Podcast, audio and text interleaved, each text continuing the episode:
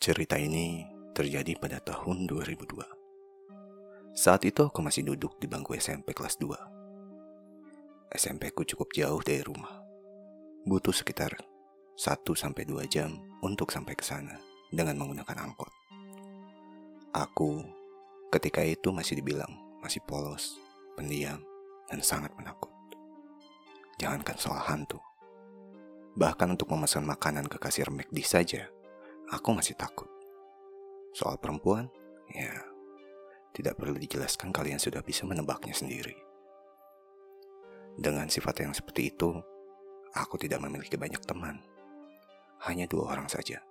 Sudah cukup buatku. Sebut saja nama mereka berdua, Jono dan Dodo.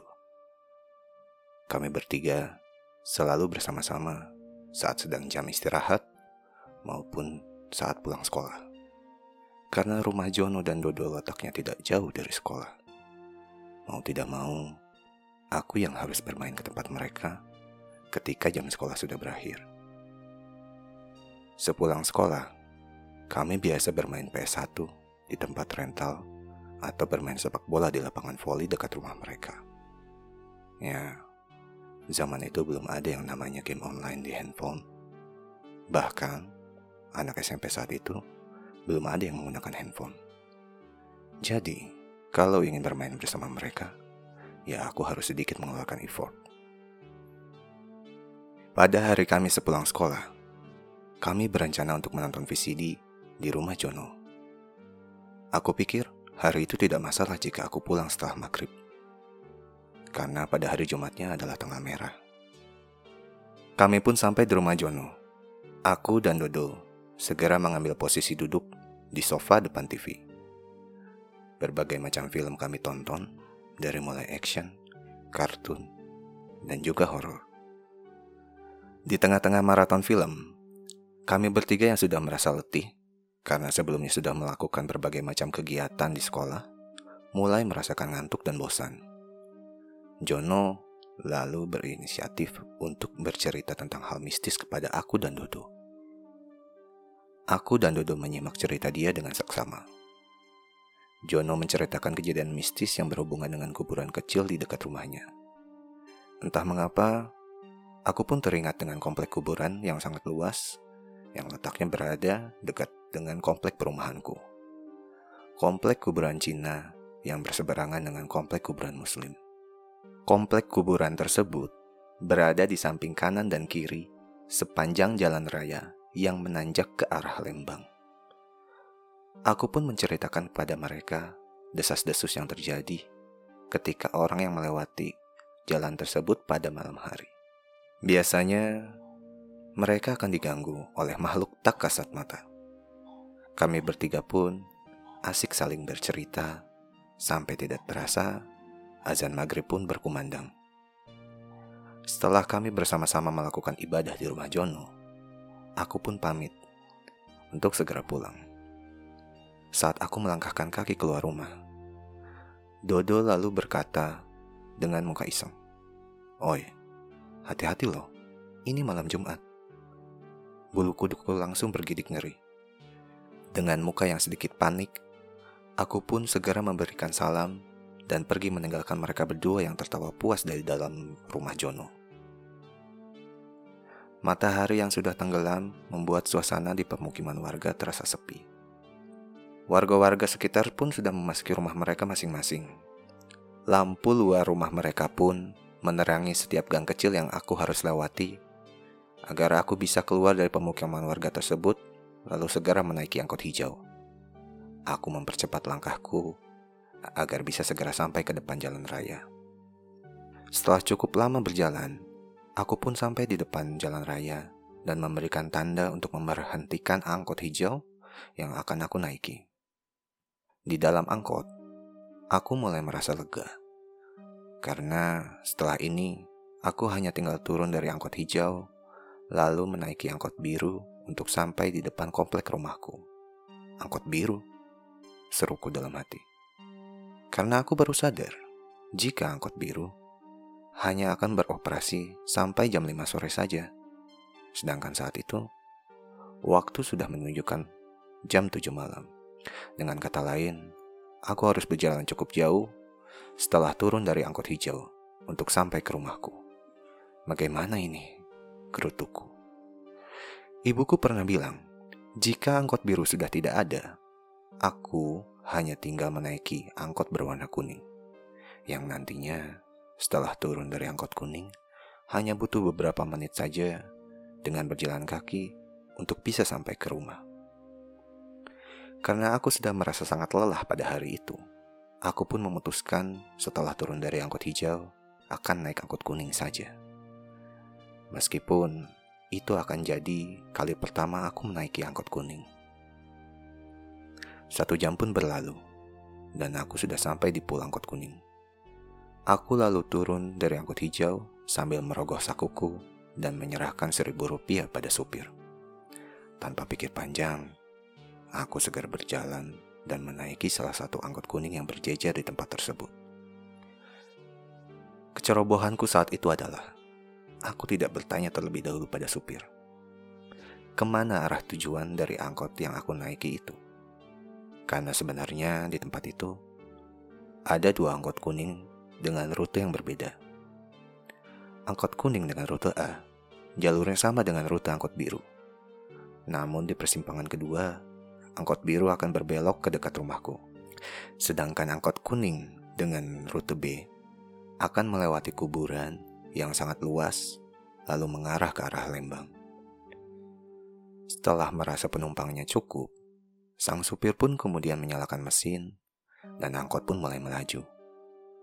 Karena aku baru pertama kali naik angkot kuning, aku hanya mengingat bentukan sawah yang biasanya dilewati oleh rute angkot biru. Namun, setelah beberapa menit perjalanan, aku sedikit terkejut ketika melihat keluar jendela. Meskipun sudah gelap dan tidak terlihat jelas, tapi aku tahu jika bentukan sawahnya itu berbeda. Dan saat itu pula aku menyadari jika aku salah naik angkot. Angkot pun mulai memasuki jalur yang menanjak ke area pegunungan yang di kedua sisinya terdapat kuburan yang sangat luas. Sebelah kiri ada kuburan Cina dan sebelah kanan ada kuburan Muslim. Nyaliku akan menciut jika aku harus turun dari angkot di jalanan yang sangat gelap dan dipenuhi dengan pepohonan besar dan rindang di kedua sisinya itu. Sama sekali tidak ada lampu penerangan di sepanjang jalan tersebut. Aku pun terdiam dan berpikir. Lebih baik aku turun ketika sudah memasuki kawasan pemukiman warga saja agar lebih terang, ucapku. Angkot pun terus melaju melewati jalur kuburan yang terbilang sangat panjang dan menanjak tersebut. Hingga kemudian cahaya dari lampu perumahan warga sekitar mulai terlihat. Aku pun segera turun dari angkot tersebut. Tak lama, angkot itu pun kemudian berlalu menjauh, hingga bagian belakangnya pun tidak terlihat lagi. Aku yang seorang anak SMP berdiri sendirian di kegelapan malam. Di tempat sepi yang sama sekali tidak terlihat satu orang pun di sana. Saat itu waktu menunjukkan sekitar setengah sembilan malam. Ya, mungkin karena jauh dari pusat kota, sehingga warga di sana sudah mulai berdiam di rumah sekitar jam tersebut. Jantungku serasa berhenti ketika pandanganku mengarah ke jalanan gelap gulita yang aku harus lewati kembali. Dan kali ini, aku sendirian. Aku terdiam beberapa saat, lalu berpikir untuk menunggu angkot yang melaju dari arah sebaliknya saja. Namun, setengah jam berlalu, tapi tak ada satupun kendaraan yang melintas. Apa aku harus berjalan kaki untuk menuruni jalanan tersebut? Tanyaku dalam hati. Jika aku hanya diam di tempat saja, waktu pun akan semakin bergulir, dan malam pun akan semakin larut pikirku. Karena tidak ada pilihan lain, aku pun menarik napas panjang untuk menenangkan hatiku, lalu mulai berjalan menuruni jalanan yang gelap gulita tersebut. Awalnya aku masih tenang, tapi Ketika aku mulai memasuki area kuburan kembali, hawa dingin menyeruak di sekujur tubuh. Jantungku yang tadinya sudah tenang, kini kembali berdegup kencang. Nafasku serasa sesak, dan kakiku mulai terasa berat untuk melangkah. Tak ada satupun kendaraan, baik motor atau mobil yang melintas. Suasana di kala itu sunyi senyap, bahkan suara jangkrik pun tidak terdengar.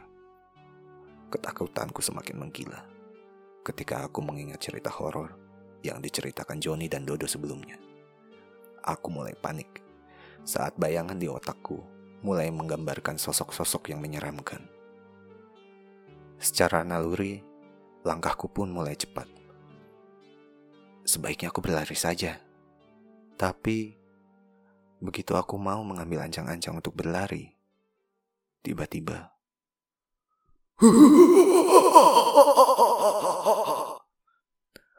Terdengar suara tawa yang sangat lantang dan menggema di sekitaran tempat itu. Sontak aku pun langsung melangkahkan kakiku untuk berlari. Apa itu? Apa yang aku dengar itu? Adrenalin pun memuncak. Langkah kakiku semakin cepat dalam berlari. Namun, sepanjang jalan aku berlari, suara tawa tersebut tidak kunjung hilang. Dalam rasa takut yang luar biasa, aku tetap berlari tanpa melihat jalanan yang aku tapaki. Tak sadar ujung sepatuku pun mencium bebatuan dari jalanan aspal yang rusak. Dalam sepersekian detik, aku pun hampir terjatuh. Badanku sudah condong ke bawah. Tapi dengan sigap, tanganku segera menahan aspal yang ada di hadapan wajahku. Dengan sekuat tenaga, aku hentakkan tanganku di aspal agar tubuhku langsung berdiri dan kembali berlari. Saat itu aku sama sekali tidak terpikir untuk menengok ke belakang. Bahkan aku berlari tanpa melihat ke kanan ataupun ke kiri. Hanya fokus ke depan. Hingga akhirnya dari kejauhan aku melihat cahaya lampu yang artinya sudah memasuki area kehidupan. Aku pun mulai memperlambat laju lariku dan sambil mengatur napasku yang sudah tidak beraturan. Terasa nyeri yang sangat hebat di sekujur kakiku. Bisa dibilang, tadi itu mungkin adalah lariku yang tercepat sepanjang hidupku. Badanku mulai lemas. Tenagaku sepertinya sudah habis terkuras. Tapi jarak dari tempat itu masih cukup jauh dari rumahku.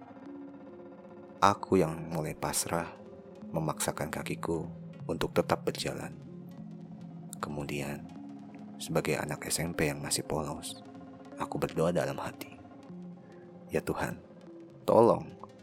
Aku sudah tidak sanggup berjalan. Tolong panggilkan ojek. Terasa seperti tidak mungkin kan? Bahkan terdengar seperti lelucon. Tapi ajaibnya, segera setelah aku berdoa seperti itu, datanglah seseorang yang menaiki motornya menghampiriku dan berkata, Ojek A, seperti mimpi? Ya, tapi aku tidak ingin ambil pusing. Aku segera naik ke motor ojek tersebut dan memberitahukan alamat rumahku. Di tengah perjalanan, aku pun berpikir, apa suara tawa yang aku dengar tadi itu nyata? Entahlah. Tapi semenjak saat itu, aku tidak pernah lagi keluyuran setelah jam sekolah usai, apalagi sampai melewati maghrib. Karena sampai saat ini, kejadian tersebut masih melekat erat di ingatanku. Aku sempat berpikir, jika saat berlari tadi, aku menengok ke sumber tawa tersebut, apa yang akan aku lihat?